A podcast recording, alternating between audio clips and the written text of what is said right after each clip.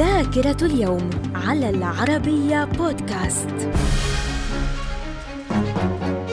أهلا بكم إلى ذاكرة اليوم العشرين من مايو ففي العام 1498 البحار البرتغالي فاسكو دي جاما يصل إلى كوزيكود بولاية كيرلا في الهند. في العام 1622 الإنكشارية يقتلون السلطان عثمان الثاني وأدى ذلك إلى عودة السلطان الأسبق مصطفى الأول إلى عرش الدولة العثمانية. في العام 1800 1873 ليفي شتراوس ينال براءة اختراع بنطال الجنز الأزرق بأزرار نحاسية. وفي العام 1902 استقلال كوبا عن الولايات المتحدة وإعلان الجمهورية فيها. من الذاكرة. ومن ذاكرة اليوم العشرين من مايو في العام 1927 المملكة المتحدة تعترف بسيادة الملك عبد العزيز بن سعود على مملكة الحجاز ونجد وذلك بموجب معاهدة جدة. في العام 1934 توقيع معاهدة الطائف معلنة نهاية الحرب بين اليمن والسعودية. في العام 1948 مجلس الأمن يقرر وقف إطلاق النار في فلسطين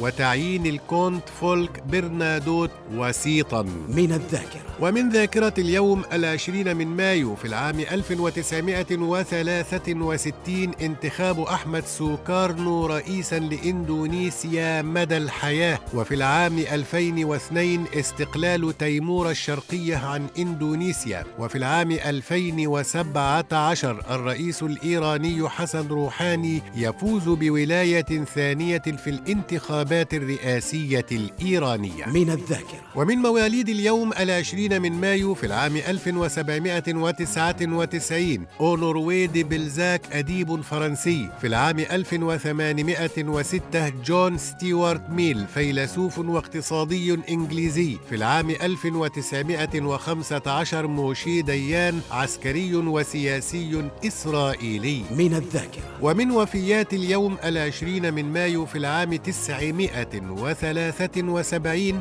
أبو العلاء المعري شاعر عربي. وفي العام 1506 توفي كريستوفر كولومبوس الرحالة والمستكشف الإيطالي. من الذاكرة. إلى اللقاء.